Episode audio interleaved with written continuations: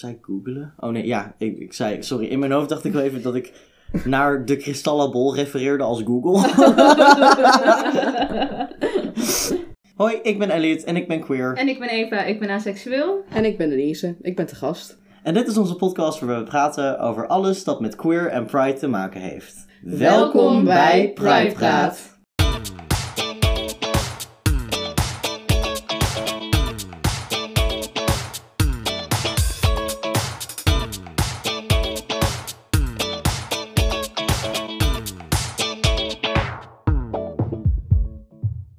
En welkom bij deze aflevering van Pride Praat. Ja, aflevering 41. Dat klopt. Yes. Voordat we beginnen met de aflevering hebben we heel eventjes een korte mededeling. Het is deze week bij Sexual Awareness Week. Yay, be aware of me, again. De vorige keer was het non-binary. Ik dacht Het is al, wel veel... deze we weer gemaakt. Ja, Nou, maar ik kom er ook wel- bijna aan. Dus, Jij eh, komt er ook bijna aan, wat ja. fijn. Top. nou, dat was lekker kort maar krachtig. Dan kunnen we meteen door naar de aflevering. Yes. Zoals jullie gehoord hebben, hebben we een gast vandaag. Namelijk Denise. Yay! Enthousiasme. ja, zoals gebruikelijk, als wij een gast hebben, hebben we wel even het gastensegment. De eerste vraag die we je gaan stellen is: wat is je seksualiteit en wat zijn je pronouns? Oké, mijn voornaamwoorden zijn zij, haar en Mhm. ik ben biseksueel. Coolio. Tweede vraag is, hoe ken je ons? Studentenvereniging! Yay! Party colarten! Dit is mijn vraag om een punt te bewijzen, dat eigenlijk nooit bewezen wordt. Heb je meer queer vrienden of meer niet-queer vrienden? Meer queer vrienden. Kijk, there we go. En alle niet-queer vrienden zijn nu wel queer. Kijk, ja, ja, precies. ja. Ik heb ook, ik heb nog zoveel vrienden van vroeger, maar die zijn nu Mhm. ook gewoon allemaal queer geworden. Ja. Dus Alsof je gewoon naar elkaar toe groeit of zo. ja, Gewoon, ja, precies. Jouw vibes, daar hou ik van. Ja. Net als met neurodivers. Ja, Zowel, precies. Dat je allemaal ineens autistisch blijkt te zijn. ja, cool. Dan hebben we de Kiss, Mary Kill. Ik leg nog wel even snel uit wat Kiss, Mary Kill is. Kiss, Mary Kill. Normaal gesproken heb je dan drie mensen. En dan moet je zeggen wie wil je zoenen, wie wil je vermoorden en met wie wil je trouwen. Wij doen het niet met mensen, maar met concepten en voorwerpen, want dat is veel leuker. De Kiss, Mary Kill van deze aflevering is tablet, laptop of mobiele telefoon. Oei. Ja, Oei. ja. Oké, tablet, die gaat al meteen bij kill, Ja. want die gebruik ik nooit. Maar dan zit ik te denken. Mijn laptop heb ik nodig voor studie en dat soort dingen. Maar mijn telefoon is mijn leven. Aan de andere kant, met mijn laptop doe ik langer dan met een mobiele telefoon. Mm. Dus ik denk, laptop Mary, mobiele telefo- telefoon. Fuck. Fuck. Dat ja, was heel hard. ja. Oké, en jij? Ik ben het weer eens. ik ben zo My god. Ik ben benieuwd of ooit de dag komt dat ik het oneens ben met de gast. Nee, ik heb ook tablet vermoorden. Ook al heb ik zes jaar lang vrijwel alleen met een tablet geleefd. Want ik had een iPad-klas op school. En ehm, ik had eerder een iPad dan een, een mobieltje. Een smartphone. Ik had wel een uitschuif. maar uiteindelijk zijn toch wel gewoon een telefoon en een laptop zoveel fijner.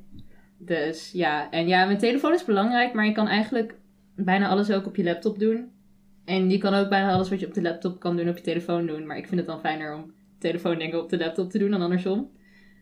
En ik voel me altijd beter als ik mijn laptop gebruik. Als ik op mijn telefoon zit, voelt het als tijdverspilling. Als ik op mijn laptop zit, voelt het als productiviteit. Precies. Ja. Ik ga het voor een keer ook eens zijn. Oh my god. Ja, I know, right? Want tablet, ik heb geen tablet. Ik leef op dit moment semi zonder mobiele telefoon, want mijn mobiele telefoon kan niet meer bellen. Ik leer daarmee dealen, maar ik moet zeggen, met WhatsApp, zeg maar gewoon web WhatsApp, en sinds we daarmee ook gewoon kunnen bellen, Mhm. kan ik over het algemeen overleven zonder mobieltje. ja. Behalve s'nachts om vier uur naar huis fietsen en dan een of andere enge duw Ja, dat tegenkomen. is wel dan is het wel... Ja. is wel, Ja. Ja. Goed, dat was het gastensegment. Ja, Dan gaan we nu door naar de aflevering. yes. En het onderwerp van de aflevering van vandaag is open relaties. En Denise, waarom ben jij hier? Omdat ik een open relatie heb. Wow! Wow. Wow! Wild. Wow! Ja. Het leek ons slim om even te beginnen met definities. Voor de luisteraars die niet precies weten, wat is een open relatie? Ehm, ja, dat is best wel lastig, want dat is ook heel erg afhankelijk van de personen die in een open relatie zitten. Ja. Ja, voor, voor mij en mijn vriendin persoonlijk is het dat we zeg maar wel seks mogen hebben met anderen, maar geen romantische relaties en connecties aangaan. Ja. Mhm. Voor sommige mensen valt het er wel onder, romantische relaties. Ik zou het zelf scharen onder polyamorie.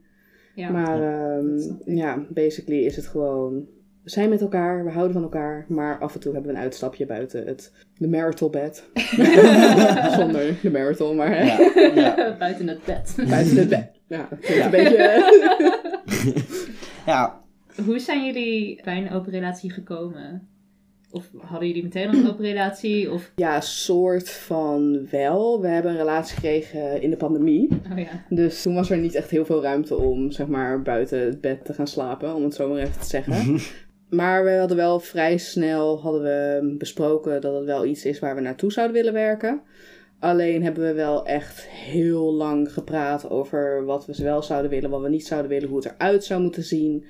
En eh, ja, ik geloof echt pas meer dan een half jaar nadat we bij elkaar kwamen, hebben we Oh ja. pas voor het eerst waren we praktiserend open, zoals we het Uh-huh. dan eh, noemen. ja. Maar ja, wel vrijwel vanaf het begin was het al duidelijk voor ons allebei, dit is waar we naartoe aan het werken zijn. Ja. Oké, want heb jij dan, identificeer je je ook niet per se als monogaam? Ja, ik zou een monogame relatie kunnen hebben. Mhm. Ik zou niet een polyamoreuze relatie kunnen hebben. Oké. Maar ik weet wel dat ik vroeger altijd dacht eh, in series dat als iemand vreemd gaat, wat voor drama het altijd is, dat ik dacht, ja, wat boeit het nou, weet je wel. ik Ja. bedoel, zolang, hij nog maar van, zolang hij nog maar van haar houdt, want het zijn vaak natuurlijk de mannen die vreemd gaan. Kijk, en ik had ook altijd zoiets van, nou, als mijn kerel, toen ik nog dacht dat ik hetero was, Ja. als mijn kerel buiten het bed wil slapen, dan doet hij het maar, zolang hij maar bij mij thuis komt. dus dat is wel een mindset die ik altijd al heb gehad. Nice. Ja. ja. Hebben jullie ook literatuur gelezen? Nee. Naar aanloop? Nee. Nee, niet Oké, eens. En we lezen heel veel, dus dat is wel vreemd Ja. inderdaad. Maar eh, nee, we hebben eigenlijk vooral heel erg zelf bepaald Ja, wat ja. we willen. maar dat vind ik ook, nou ja, want je zegt dat is wel vreemd, maar ik vind het best wel meevallen ook hoor. In de zin van, het is natuurlijk, li- ja, de literaire werken over open relaties kunnen een soort van guideline zijn voor als je er nieuw in bent. Maar het gaat natuurlijk, is het jouw relatie Ja. en jouw gevoelens en hoe jij daar zelf, hoe jij dat vorm wil geven. Ja, precies. Ja. Iets dat een beetje in het verlengde hiervan ligt is, waarom heb jij voor de open relatie gekozen? Mijn vriendin is mijn eerste relatie. Oké. Mijn derde bedpartner geweest, ooit. Nu inmiddels niet meer, maar... en ik was helemaal niet op zoek naar een relatie. Ik was juist heel erg van, ik wil gewoon even leven. Ik wil gewoon even ontdekken wat er is. Ja. Ja, en toen kwam ik er tegen en eh, ja, toen eh, toch wel verliefd geworden natuurlijk. Dus, eh, maar goed. En dat is gewoon heel fijn dat ik nu dan in een open relatie, ik kan nog steeds van alles ontdekken. Terwijl ik wel gewoon mijn stabiele thuisbasis heb. En Ja. toch wel liefde die je wel craeft. Als je pas door hebt dat je het hebt eigenlijk. en het is ook heel, het voelt heel veel veiliger om dingen te ontdekken. Omdat ik ook gewoon iemand heb om bij thuis te komen met Ja. wie ik het erover kan hebben. Over de dingen die gebeuren. Dat klinkt heel gaaf. Ja. Ja, dat vind ik echt een hele goede mindset eigenlijk ook om te hebben. Ja, wil je daar misschien wat meer over vertellen? Over dat stukje thuiskomen en dat je dan je andere seksuele exploits kan, zeg maar, bespreken of zo? Eh, ja, nou ja, ik weet wel dat zeg maar, er zijn ook heel veel mensen die een open relatie hebben, dat je er dan niet over mag praten met elkaar. Mhm. Wij zijn er juist heel open over, over praten met elkaar. Ja. Dus we hebben ook vaak, als, als we van tevoren weten dat er iets gaat gebeuren met een ander of zo, dan spreken we ook gewoon af dat we elkaar daarna zo snel mogelijk zien. Vaak dezelfde dag al. Ja. Om het ook gewoon met elkaar te bespreken. Ja, gewoon, te- ja, we zijn allebei gek op analyseren. Dus dan gaan we ook alles dood analyseren van wat er gebeurd is. Dus ja, wij eh, praten eigenlijk heel erg met elkaar over wat we uitvreten met anderen, om het maar even zo te zeggen. Dus, en dat is eigenlijk gewoon heel fijn en het voelt voor mij heel wholesome. Mhm. Dat, dat ik niet hoef te liegen of dingen achter Ja. me te houden. Dat, want ik vind het super, sowieso heel moeilijk om niks te zeggen. Mhm. Dus ik ben sowieso een flap uit. Dus ik vind het gewoon juist heel fijn dat ik dan ook bij mijn vriendin dingen kwijt kan, zoals dit is gebeurd. En ja, kijk, soms worden er wel eens gevoelens zijn gekwetst, dat, Mhm. dat dat gebeurt. Ja. Maar ik heb zoiets van, zolang we open blijven in communicatie en met elkaar ook duidelijk maken van, oké, eh, dit voelt misschien een beetje kutter, of dit vind ik juist, ik ben heel blij voor je, dat voel ik ook. uh-huh, dus eh, ja. Mhm. het voelt gewoon heel fijn. Ja, ik herken dat gevoel wel van het met je partner kunnen praten over like, seksuele dingen die buiten je relatie zijn gebeurd of zo. En dat, hoe heet het ook alweer? Tegenovergestelde van jaloezie. Oh, Mm. Ja, lief gevoel. wat? Het ja, lief gevoel. Ja, lief gevoel. Ehm, Oké, blijkbaar is dat een Nederlandse term. Ja, Compersion. Compersie. Dat is de term die ik ken ervoor. ja, ik ken het ja, lief gevoel. Oké, het ja-lief gevoel. Oké, dan hebben we het bij deze over het ja-lief gevoel. Ja, nee, woord. maar dat ja-lief gevoel, dat is zo... Dat is zo'n fijn gevoel. Ja. om- ah, ja. Dat noemde je net natuurlijk ook al. Jullie, jullie doen dan niet aan romantische relaties buiten jullie relatie om. En toen zei je al van, dat zou jij zelf meer als polyamorie beschouwen. Ja, laten we het even hebben over wat het verschil is tussen polyamorie en een open relatie en wat de overeenkomsten zijn. Nou ja, de overeenkomsten natuurlijk dat het allebei ethisch niet monogaam is. Ja, precies. Dus ehm, ja. en ik denk ook wel, het ligt er ook aan wat de seksuele, seksuele oriëntatie is van de mensen in een polyamorie relatie. Maar over het Mhm. algemeen vindt er dus ook seks plaats met anderen. Mhm. Maar voor mij is gewoon echt het verschil dat jij ook romantische relaties en connecties met anderen aangaat. Buiten je primaire partner. Als er al een primaire partner is natuurlijk bij polyamorie. Ja, En wij hebben gewoon met, in een open relatie dat we dat echt absoluut niet doen. ja, Ja. Dus ja, dus zal ik, niet meer, ik zal niet iemand anders mijn vriend of mijn vriendin noemen ja, dan eh, mijn vriendin zelf. Dus, en ik wil ook niet dat zij dat doet. ja. Nee, aha. Dus romantisch gezien zijn jullie monogaam, als het ware. Monoromantisch is dat een woord? Bij deze, monoromantisch. Ja, ja, ja, Dus ja, en romantisch gezien zijn wij monogaam. Zo zou Ja. je het kunnen zeggen. ja, Ja. Ja. ja. Waar ik wel benieuwd naar ben ook, want ik weet dat we het idee voor deze aflevering met jou voortkwam uit een gesprek dat Eva met jou Mhm. en je vriendin heeft gehad. En Eve zei eerst vandaag dat ze zich niet meer heel veel van dat gesprek kon Ik was toen zo hyped om deze aflevering op te nemen. En ik was vandaag echt van, oh, maar wat vond ik ook weer allemaal zo interessant. Ja, en ik was daar natuurlijk niet bij, maar ik weet niet of jij nog iets kan herinneren van dat gesprek. Want ik ben gewoon heel benieuwd naar wat, ik wat heel dronken. Dat zijn altijd wel ja, de dat is wel waar. dat ik weet vooral nog een, een, een Oh, deel over, zeg maar, dat jullie met een ander koppel. Maar dat is heel, in, zeg maar, inhoudelijk wat jullie hebben gedaan. Ik wil best praten over wat ik heb gedaan hoor. Maar eh, dat is een heel vermakelijk verhaal. ja. Nou ja, in ieder geval, we doen ook samen dingen met anderen. Ja. Dat wel. Dus het is niet dat het alleen swingen, maar... zeg maar ook. Toch? Ik vind swingen vind ik een heel naar woord. Oh, dat oké. vooral in hetero-dynamieken Mm, plaatsvindt. Ja, Eerlijk, die ene ervaring was wel een beetje swingen. Willen we En even dat- uitleggen wat swingen is? ja, laten we dat even doen voor de luisteraars. Dat wist ik namelijk ook tot voor kort niet. Nee. Van wat ik denk dat swingen is, ja, is het zeg maar dat je, en vooral in de hetero-zin, je hebt twee koppels, allebei man-vrouw. En dan de ene man gaat met de vrouw van de ander. En die vrouw gaat dan weer met de Ja, andere man. Dus Dus, Ja. zeg je maar, wisselt partners. je wisselt Ja, partners. Ja, Ja. swingen. ja. Ja. Dus, eh, Ja, en dat doen wij niet echt. Omdat Nee. wij natuurlijk allebei...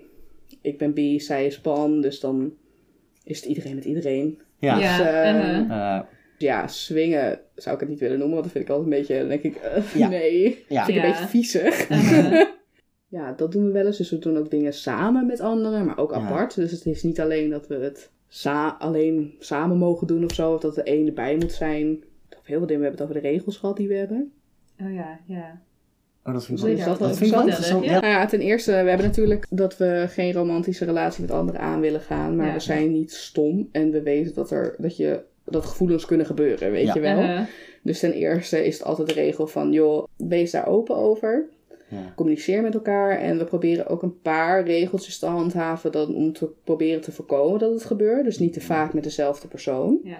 We mogen wel seks hebben met vrienden, maar ook weer niet te vaak. En vooral met vrienden is het soms een beetje van Ja. pas op, Ja, weet dat je is wel. echt zo'n waar gaat de vriendschap over in romantiek en als Ja. seks erbij komt kijken, I know all Ja. about it. Het is Precies. Dus dan hebben we zoiets van, ja, we hebben niet echt een vast ding, want dat is ook afhankelijk van de persoon. Maar we kunnen bijvoorbeeld zeggen van, ja, niet meer dan één keer per maand of zo. Oh ja, ja. En dan ook niet zo'n vast ding van één keer in de maand ga ik met die persoon. Nee, dat ja. je dan naar iets wat je naar uitkijkt. Dus Ja, in dat opzicht eh, proberen we al te voorkomen dat er gevoelens ontstaan. ja, Buiten dat hebben we de standaard dingen van niet zonder condoom, wees Oh, ja. veilig. Daar zijn we misschien een beetje seksistisch, want penishouders moeten altijd een condoom. Maar we mogen wel oraal geven aan mensen met een vulva. Oh ja. Zonder vrouwencondoom. Uh-huh. Dus, eh, Ja. Maar goed, dat hebben we dus op een gegeven moment iets anders waar we later in kwamen. Zeg maar, is een bepaalde handeling.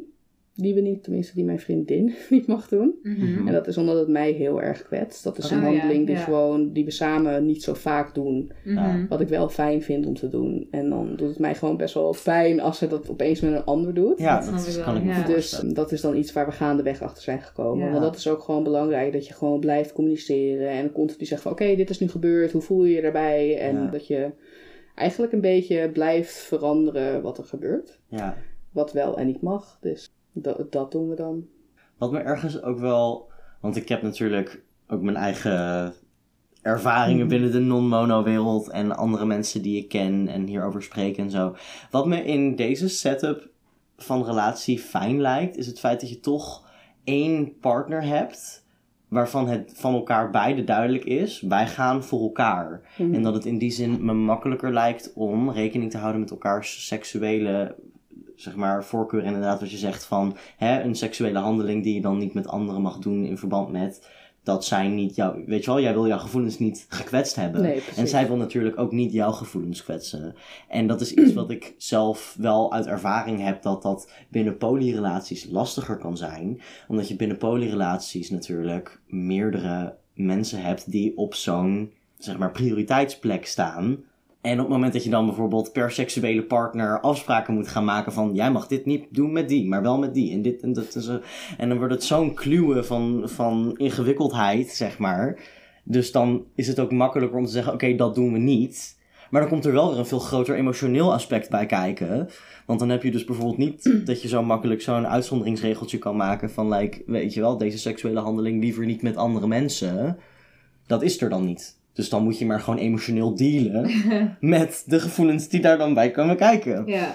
Dus ja, dat is in ieder geval in mijn, uit mijn ervaring, mijn persoonlijke ervaring. Dat is ook precies de reden waarom ik geen polyamoreuze Nee. relatie wil. Dus, dat Nee, ik. dat snap ik, Ik bedoel, inderdaad. ja, vrijheid, blijheid, liefde moet vloeien. Maar Ja. ik Ja. wil ook gewoon er zeker van zijn dat iemand volledig voor mij gaat, weet je wel. Ja. Dat die mijn thuisbasis is en dat die dan niet nog ergens... Ja, Ja. een stukje ja. veiligheid ook. Ja, precies. Ja, Dus, en gewoon, het, het- het- het- ook emotioneel gezien zou ik denk ik kapot gaan als zij ook nog met een ander is of zo. Ja. ja. Dus, maar seks is leuk. Zeker. Voor de luisteraars, Eva stak heel ongemakkelijk haar duim op. Love dit. Ja, nee, precies. Even volledig uit interesse, maar zou jij ooit een open relatie overwegen? Dat weet ik niet zo goed. Ook omdat ik op dit moment natuurlijk ergens ben in mijn leven dat ik helemaal geen relatie wil. Nee, punt. Dat ik gewoon, ik heb gemerkt, dat werkt voor mij eigenlijk nu niet door meerdere dingen. En ja, dat is, het was lastig om daar te komen, bij die realisatie. Maar ik vind het ook wel goed nu ik dat heb omarmd, geeft het me wel meer vrijheid. Omdat ik nu ook gewoon daarvoor eigenlijk makkelijker grenzen bij mezelf kan stellen. Omdat ik best wel snel gevoelens ontwikkel voor mensen. En als je dan constant rondloopt en iedereen voor wie je gevoelens krijgt is een potentiële partner. En ook nog eens omdat je Oh. polyamoreus bent, dan Ja. is dat heel vermoeiend en heel Mhm. erg hectisch. En al helemaal als daar emotionele dingen bij komen kijken van like, oh ik vind jou leuk. En dan zegt iemand, ik vind jou ook leuk. Maar dan doet ze heel andere dingen en, en dan al dat soort drama, zeg maar. Ehm, dan is het heel fijn om jezelf in bescherming te kunnen nemen. En gewoon te kunnen zeggen: Ik neem geen relatie op dit moment. En dan Ja. is meteen dat hele drama. en die hele verhouding en al dat gezeik ook klaar. Ja. Heb Want je ik al iets geen voor jezelf relatie. afgesloten? Ja. Precies, dan is dat makkelijker om gewoon te zeggen: van oké, weet je wel, als we dronken zijn en we gaan een keer zoenen, sessa. Maar dat doe ik ook met mijn vrienden. Weet je wel? En dan is het niet meer dat ik als een soort van puppy achter mensen aanloop. van: Oh, neem een relatie met mij. Oh, hè. Want ik wil geen relatie. Nee, ja. Wat ik wel ook duidelijk heb voor mezelf, is dat ik niet monogaam ben. Nee. Punt. Ja. En een monogame relatie zou voor mij ook gewoon niet werken. Omdat dat zo beklemmend zou voelen dat ik binnen no time echt gillend weg zou rennen. Mhm. Zelfs als ik iemand heb met wie ik de rest van mijn leven samen door zou willen brengen en daar heel zeker van ben, dat is voor mij dat is niet iets wat in contrast staat met mono of poly zijn of whatever, weet nee, je wel? Ja. En ik heb gewoon die ruimte nodig om mijn liefde volledig aanwezig te laten zijn. Ik denk dat of ik een open relatie zou overwegen of niet heel afhankelijk is ook van de invulling daarvan. Want Ja, natuurlijk, jij zei aan het begin van de aflevering al, open relatie, de definitie daarvan is natuurlijk compleet afhankelijk van de mensen die in die relatie zitten.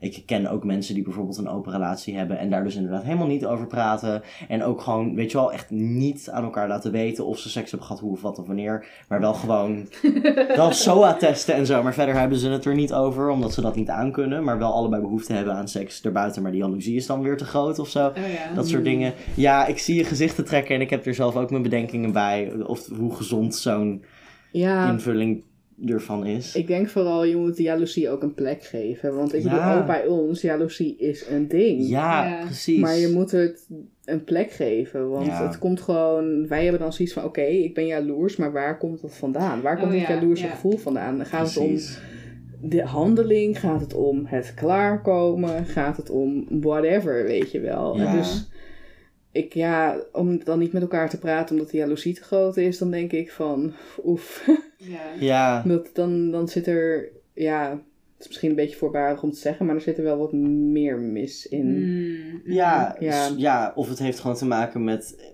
een soort van het niet zo goed om kunnen gaan met je eigen emoties en daarin Ja. naar kunnen kijken. Of dat je relatiedynamiek zo is dat er dan snel ruzie ontstaat of whatever. Maar het is inderdaad, ja, maar goed. Hè? Mensen die dat hebben moeten dat zelf weten. Hè? If it works, it works for you. Ja, precies. precies. Maar niet voor mij. Nee. nee, maar goed, ja, als ik een open relatie zou hebben, dan zou dat voor mij, denk ik, al wel meteen wat sneller weer richting polyamorie gaan. In Ja. de vorm van meer dan één romantische partner. Ja. Omdat ik, wat ik wel ik heel erg bewonder in jouw relatie, dat je inderdaad die, die thuisbasis hebt en dat stukje veiligheid. En dat gewoon weten, dit is één persoon. Is iets dat daarnaast, ondanks dat ik het heel mooi vind, voor mij gewoon iets dat waarschijnlijk niet zo goed zou werken. Ah. Ook omdat mijn ding gewoon, hè, wat ik al zei, ik krijg gewoon makkelijk gevoelens voor meerdere mensen. En het zou voor mij beperkend voelen op het moment dat ik dat niet op zijn minst kan verkennen met mensen. En dat betekent niet per se dat ik meteen heel veel relaties tegelijkertijd wil. Maar wel de mogelijkheid om gewoon op een soort van casual romantische basis mensen te kunnen zien of whatever. Daar heb ik wel dan, ja, ik denk dat ik daar wel behoefte aan zou hebben of zo. Maar goed, ja, dus dat is, dat is mijn ding. Nu ga ik hem ook ja, nu ga ik hem ook aan jou stellen, omdat er Ja, natuurlijk ook een heel aspect... Want we hebben het wel tijdens de polyamorie-aflevering ook gehad over is en waar. polyamorie. Ja. Maar dat werkt natuurlijk weer anders met open relaties, op een, of zo. Is I don't waar. know. Maar ook weer niet. Ik denk overigens dat mijn antwoord ongeveer hetzelfde is. Als ik een relatie zou hebben met een partner die wel seks zou willen hebben. En dat het prima vindt om dat buiten onze relatie te zoeken. En dus op zo'n manier een open relatie te hebben. Dan zeg ik, go for it. Ja, dat is alleen maar chill, weet Ja. je wel. Ja, dus ehm, ja, verder niet heel veel nog erachter. Dat is gewoon-. Ik weet ook niet, moet ik zeggen, dit, dit zeg ik wel heel makkelijk natuurlijk. ja. Ik weet natuurlijk niet hoe het is op zo'n moment, want misschien ik hecht echt nul waarde aan seks. Maar wellicht als het op zo'n moment gebeurt, dat ik dan wel opeens iets heb van, oh help, Ja, weet je wel? Van, Ja. oh god, dit is toch wel iets. ja. Ja, Ja, of misschien, ik kan me voorstellen dat er dan misschien ook in een zekere zin de onzekerheid bij zou komen kijken. Omdat jij natuurlijk ja, geen seks hoeft ja. En daar ook gewoon niet, weet je wel, dat je dan misschien een soort van angst of onzekerheid kan gaan voelen van, oh shit, voldoe ik niet aan de behoeften van mijn partner en ben ik wel genoeg of Dat zoiets. is wel waar, maar dan denk ik, als we daar gewoon over kunnen praten. Ja. Communicatie. Precies, there we go. ja, dat is inderdaad een hele belangrijke. Dat is natuurlijk in, in de praktijk veel moeilijker dan als je het er zo over hebt. Maar ik heb nog nooit een relatie gehad in de praktijk, dus ik kan er nog heel makkelijk over praten. Ja. We hadden nog een dingetje Oh ja. en dat was, want dat hadden we het ook tijdens de polyamorie aflevering, hebben we het op een gegeven moment gehad over de positieve en negatieve kanten belichten. Want je hebt natuurlijk dingen die er fijn aan zijn en makkelijk en leuk. En ook dingen die soms zo zijn van, oeh, hmm, oké, even slikken of zo. Ja, sowieso. Zoals ik al eerder zei, soms dan gebeuren er dingen en dan wist je niet dat je daar niet oké mee was. Oh ja, ja. Dus dan moet je een heel moeilijk gesprek met je partner gaan hebben. En ik ben een huilenbalk, dus ik begin dan al te huilen. En ik vind het dan, soms vind ik nog wel moeilijk om dan zelf al te verwoorden wat ik vind. Dus dan eh, Mhm. is het even moeilijk in communiceren. Wat we vaak dan doen, is even pauze inlasten. Oh, we ja. zijn eventjes gesloten, Ja, oh, totdat ja. we dit kunnen verwerken. Ja. Dus ehm, Ja. Ja, dat is denk ik zeker wel een, ja, een negatieve kant. Is dat je inderdaad jezelf openstelt, veel meer openstelt om gekwetst te worden dan in een monogame relatie. Mhm. En je laat ook gewoon toe dat je partner gewoon af en toe dingen doet die jou zwaar kwetsen, weet je wel.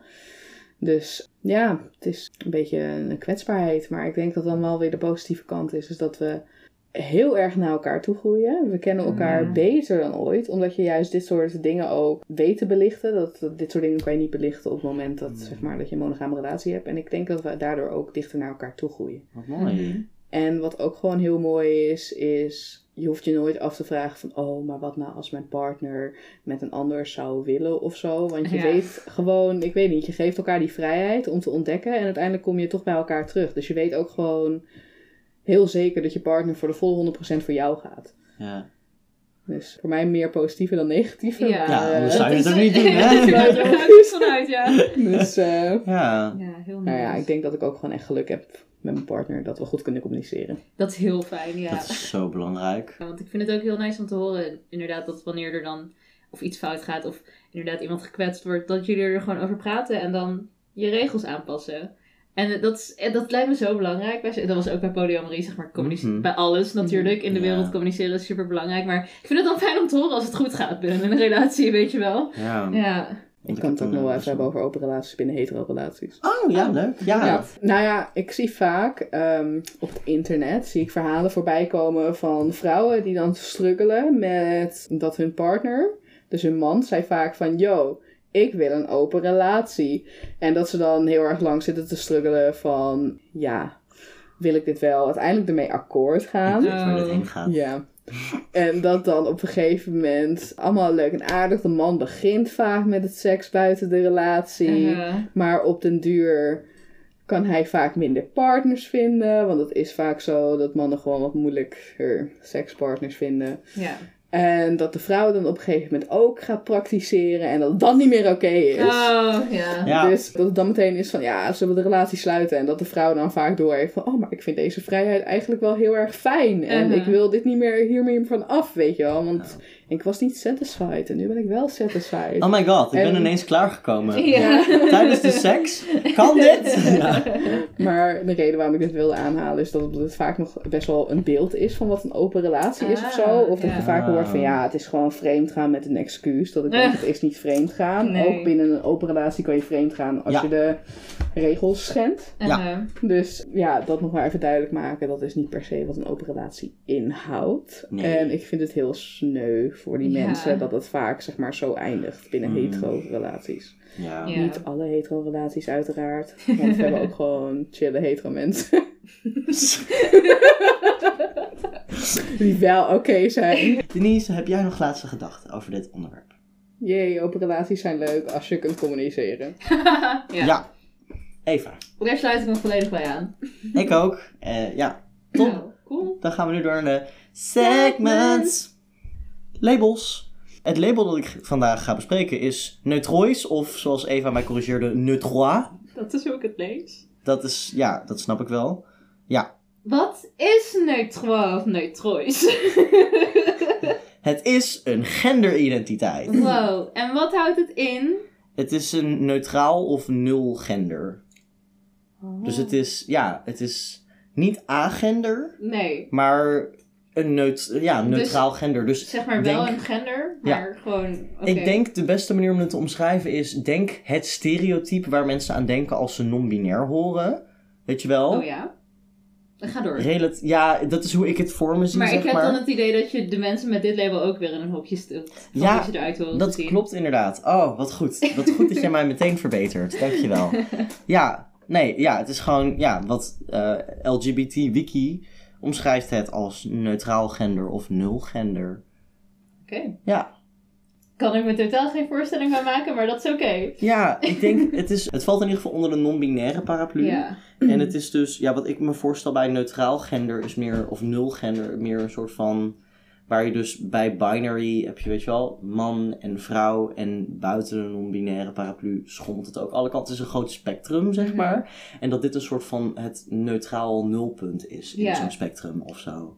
Ja, Zouden dat van die mensen zijn dat als je ziet lopen, dat ik denk, ik weet niet waar ik jou onder moet categoriseren. Maar I like it. kan. Ik ben ook zo'n mens dan. Maar ja, Voor veel mensen ben ik ook zo'n mens. En ik ben niet neutraal. kunnen heel veel Ja. dingen zijn. Ja. Ja, goed. De vlag Oh ja. is van boven naar beneden wit, donkergroen en zwart. Hierbij staat wit voor genderneutraal slash genderonbesloten. Oké. Donkergroen is op het kleurenwiel het tegenovergestelde van lavendel. En lavendel is de combinatie tussen roze en blauw. Dus dit symboliseert het niet man en vrouw. Ja. Ja, deze hebben we vaker gehad. Het ja, maar dit was wel een stap verder. Dan Heb ik het hier, is het echt, hebben we vaker gehad deze specifieke kleur? Ja, deze specifieke kleur. Oh, ik Ja, kan ja. me wel onthouden van dit is het omgekeerde van het kleurenwiel, maar niet nog. En dat is dan weer de middelste van die. Ja, nee, maar dat- oké, ja. En zwart staat voor agender of genderloos. Cool. Dat was Labbels.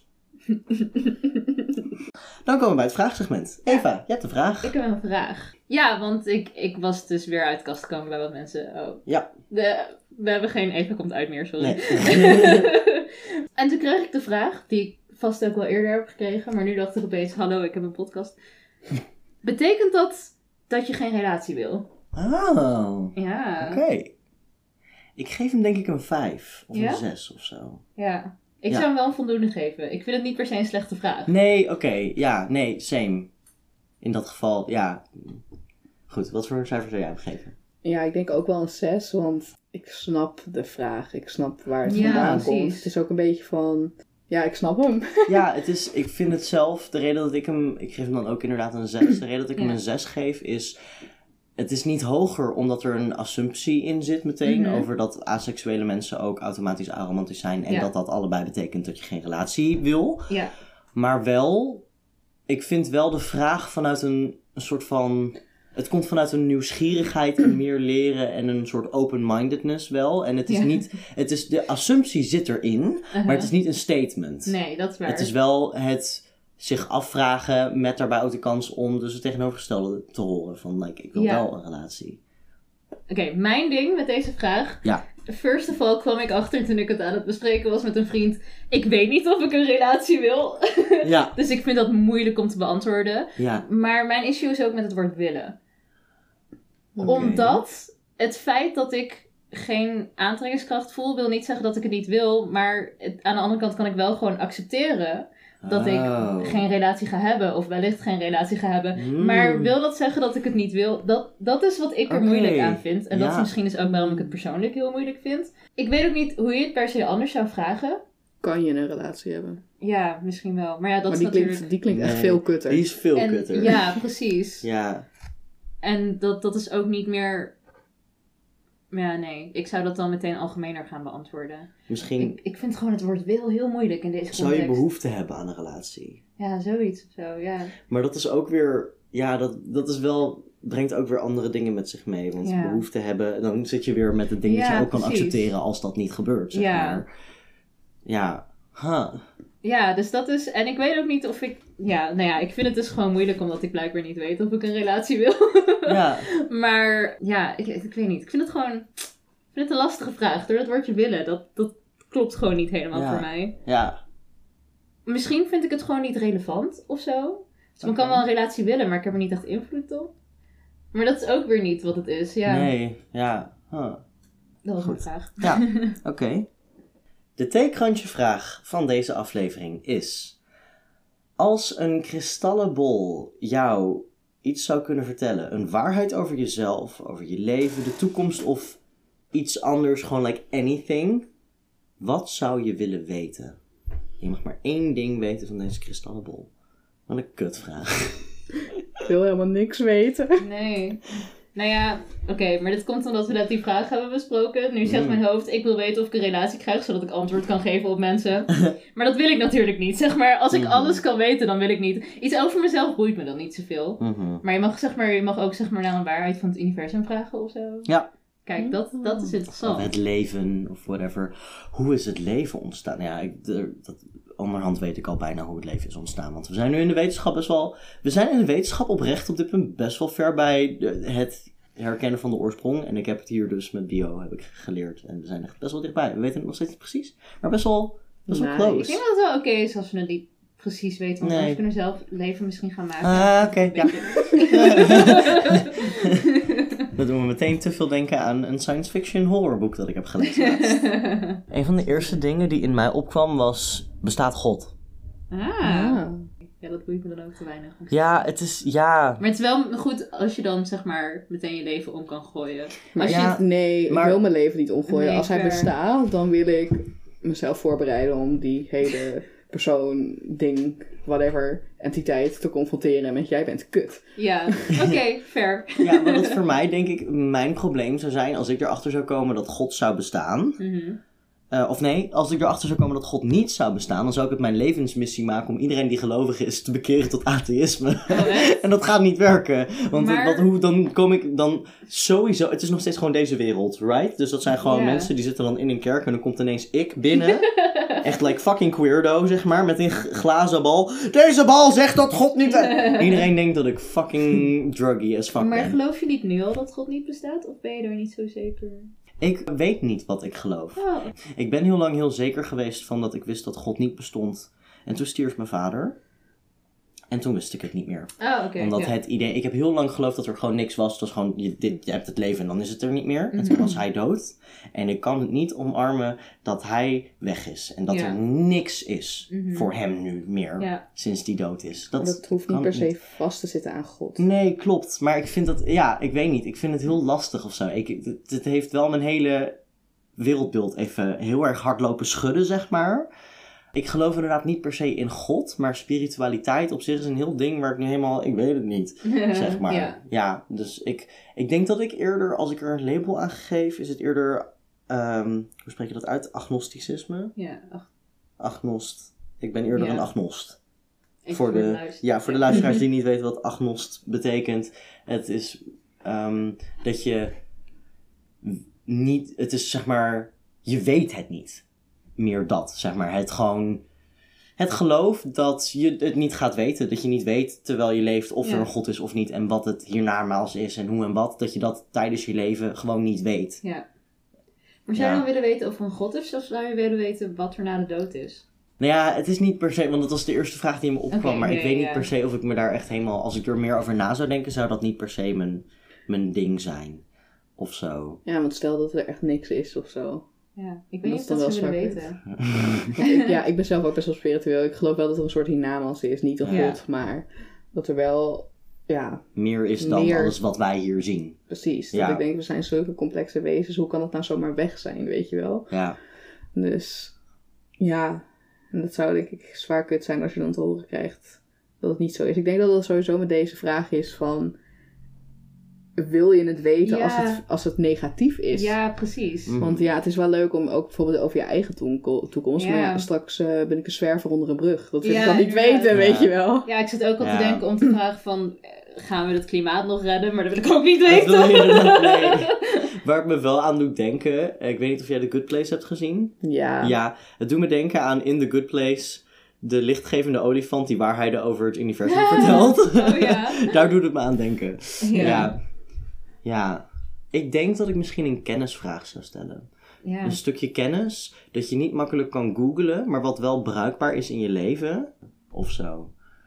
Ik zou nu vooral denk ik vragen wat we met de finale van het weekend gaan doen. Maar Ja. ja. ja, ik denk dan dat ik misschien toch wel iets over mezelf zou vragen, maar echt iets heel droogs. Hmm. Of gewoon, ik weet nooit bijvoorbeeld hoe ik mijn persoonlijkheid samen moet vatten, maar dat ik gewoon, als ik een BuzzFeed quiz invul en ze zeggen zo van, eh, je vrienden zouden je beschrijven als aardig, grappig, slim, creatief, weet je wel? En dat ik dan gewoon aan de kristallen bol zou vragen van, oké, welk van deze vier dingen ben ik het meest? Of like Kristallenbol, schrijf voor mij een inhoudelijke summary over mijn persoonlijkheid die ik vanaf nu overal ja, kan kan gebruiken. refereren. Ja! Ja! Oké, dat. dat is een goed Daar idee. gaan we voor. Ja, dat vind ik ook wel een goeie. Ja. Ja. Dat was Steekhandje. Yes. En daarmee ook deze aflevering van Praat. Ja. Bedankt voor het luisteren. Yes, we hopen dat jullie het leuk vonden. Dankjewel Denise. Dank jullie wel.